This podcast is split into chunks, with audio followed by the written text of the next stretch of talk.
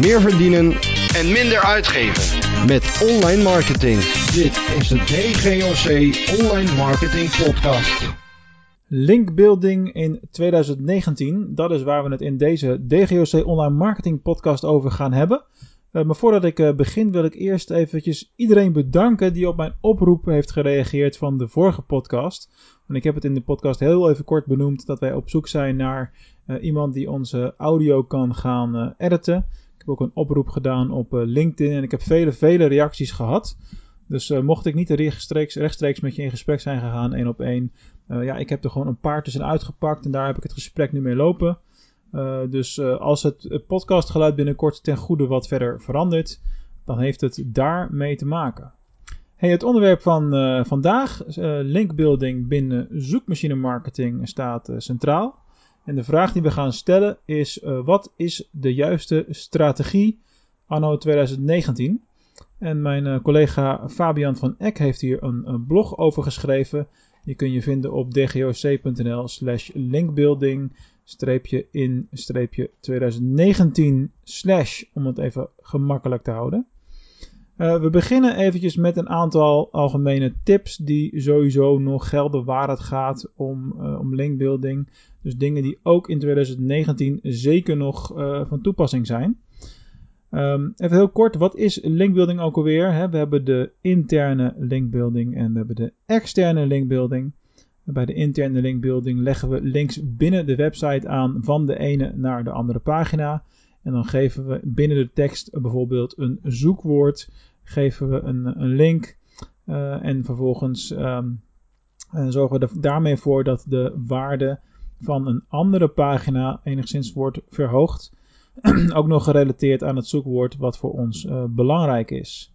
Nou, dat werkt met zowel interne links zoals externe links. Dus je kunt bijvoorbeeld ook binnen een artikel dus als wij een artikel schrijven over Google marketing, dan linken we bijvoorbeeld wel eens extern naar Google. Wat natuurlijk veel belangrijker is, is hoe zorg je ervoor dat je uh, andere websites en andere partijen zover krijgt dat ze uh, naar jou gaan, uh, gaan linken. Dat is dan de externe linkbuilding. Nou, daar kom ik zo nog even op, op terug. want ik zal eerst eventjes de inhoud van het blog van, van Fabian verder, verder behandelen. De eerste vraag, of de eerste tip is: let eens op welke zoekwoorden je gevonden wilt worden. Dus hoe lang geleden heb je een zoekwoordonderzoek gedaan voor je organisatie? Hoe actueel is dat? En doe dat dus opnieuw of doe dat überhaupt eens. Want je kunt wel interne links gaan aanleggen, maar als je dat geheel willekeurig doet, heeft dat natuurlijk geen zin. Dus zorg ervoor dat je eerst in kaart brengt op welke woorden je gevonden wilt worden. en of dat ook woorden zijn waarop het aantrekkelijk is om op gevonden te worden. Je kan bijvoorbeeld wel denken dat heel veel mensen zoeken op het woord audioboeken downloaden, waar ik vroeger heel erg uh, mee te maken had natuurlijk. Uh, alleen als uit onderzoek blijkt dat je beter kunt uh, ranken op luisterboeken downloaden, omdat daar duizend mensen per maand meer naar zoeken, dan is het natuurlijk logischer om daarmee aan de slag te gaan. Nou, zulke zoekwoordonderzoeken kun je met allerlei verschillende tools doen. wij gebruiken bijvoorbeeld keywordtool.io. Dan, het volgende waar je naar kan gaan kijken, als je dat eenmaal in beeld hebt, is hoe zit de interne structuur van je website eruit. Nou, we hebben het dan over zoiets als een piramidestructuur, dus de hiërarchische structuur van je navigatie. Dus welke items vallen er onder je home, dus wat is je hoofdnavigatie en welke sub-items zitten daar dan weer onder. Eigenlijk werkt die hiërarchie hetzelfde als um, bijvoorbeeld de H1 en de H2 tags, dus de, de titels met een hoofdtitel, een subtitel, een subsubtitel en noem het maar op. Dus de hiërarchie in je structuur van je website moet goed ingedeeld zijn, dat is belangrijk. Uh, en dat zijn natuurlijk ook allemaal interne links automatisch. Volgende tip is het aantal interne links wat je zou kunnen gebruiken. Zorg ervoor dat het er niet te veel zijn. Nou, niet te veel is natuurlijk een, rekbaar begrip. Als algemene stelregel kun je uh, zeggen dat er uh, nooit meer dan 100 links op één pagina zouden moeten staan. Dus uh, 100 is al wel een soort van ja, bovengrens, een soort maximum. Liever zijn het er veel minder. Want stel dat je een hele waardevolle pagina hebt, de homepagina, en daarmee link je naar 75 andere pagina's binnen je website. Dan wordt de waarde van die pagina over 75 andere pagina's verder onderverdeeld. Natuurlijk wel met een bepaalde volgorde en in een bepaalde hiërarchie. Uh, maar dat is hoe het werkt. Dus op het moment dat jij dat maar met 25 links zou doen, 25 pagina's, dan wordt die waarde over minder andere pagina's verdeeld. En dat is natuurlijk voor die specifieke pagina's dan uh, waardevoller. Dus hoe minder links eigenlijk, hoe beter. Nou, het volgende om op te gaan letten, dat is het aantal inkomende externe links. Daar hadden we het net al eventjes over. Dus zorg ervoor dat andere partijen naar jouw website gaan linken. Nou, er zijn een paar verschillende manieren om dat uh, voor elkaar te krijgen. Het eerste is oldschool, de, de startpagina.nl pagina's afgaan, um, link plaatsen, opzoeken, om linkjes gaan vragen.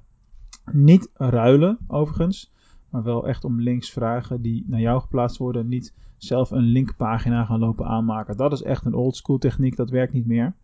Uh, maar het beste nog is als je samenwerkingen kan gaan uh, opzoeken. Dus een voorbeeld van een samenwerking, wat wij vaak doen, is dat wij een stuk content creëren voor een andere website. Zo heb ik jarenlang geschreven voor Marketing Met. Die artikelen staan nu op, op imu.nl. en uh, ik heb wel eens wat geschreven voor Frankwatching en voor Management Book. Ja, daar krijg ik dan een auteursprofiel en daarmee kan ik linken naar de website van DGOC. Nou, dus zo zijn er binnen elke branche wel voorbeelden te bedenken voor hoe je aan externe partijen kan komen die een reden kunnen hebben om naar jou te linken. Content aanleveren is een hele makkelijke, want iedereen wil wel gratis content hebben. Daar hebben we het dan over. Dan gaan we door naar de optimalisatie van anchor teksten. Nou, de anchor teksten dat zijn de omschrijvingsteksten bij een link.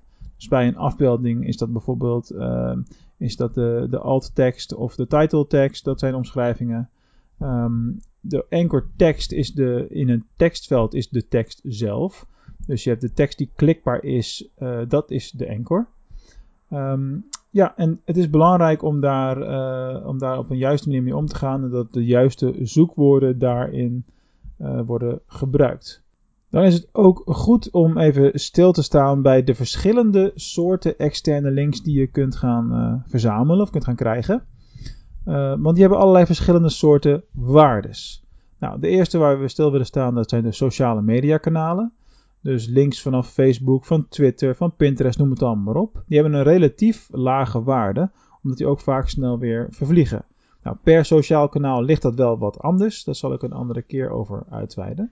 Als je sociale media kanalen links gaat verzamelen, dan zijn eigenlijk uh, Twitter en Pinterest de meest relevante. En op Pinterest kun je de meeste invloed uitoefenen, simpelweg door een eigen Pinterest profiel te hebben en daarin uh, allerlei links aanleggen. Uh, kijk maar eens op het DGOC Pinterest account wat sinds kort bestaat. Dus als je op Pinterest zelf zoekt op DGOCNL, dan kom je daar ons account tegen. Nou, dan heb je de directories zoals startpagina.nl, uh, bedrijfsgidsen zoals de telefoongids en dat soort uh, sites waar je vermeldingen in kan krijgen. Die hebben ook een wat lage waarde. dan heb je de blogwebsites waar je content kunt ruilen. Partnerpagina's, dat is wel echt van, van verloren tijden, zeg maar. Of iets wat niet meer echt gedaan wordt. Uh, en natuurlijk nog altijd de reacties in fora. Met name fora die openbaar zijn. Daar kun je vaak nog wel reacties in plaatsen die dan vervolgens in je handtekening ook weer een link bevatten naar je website.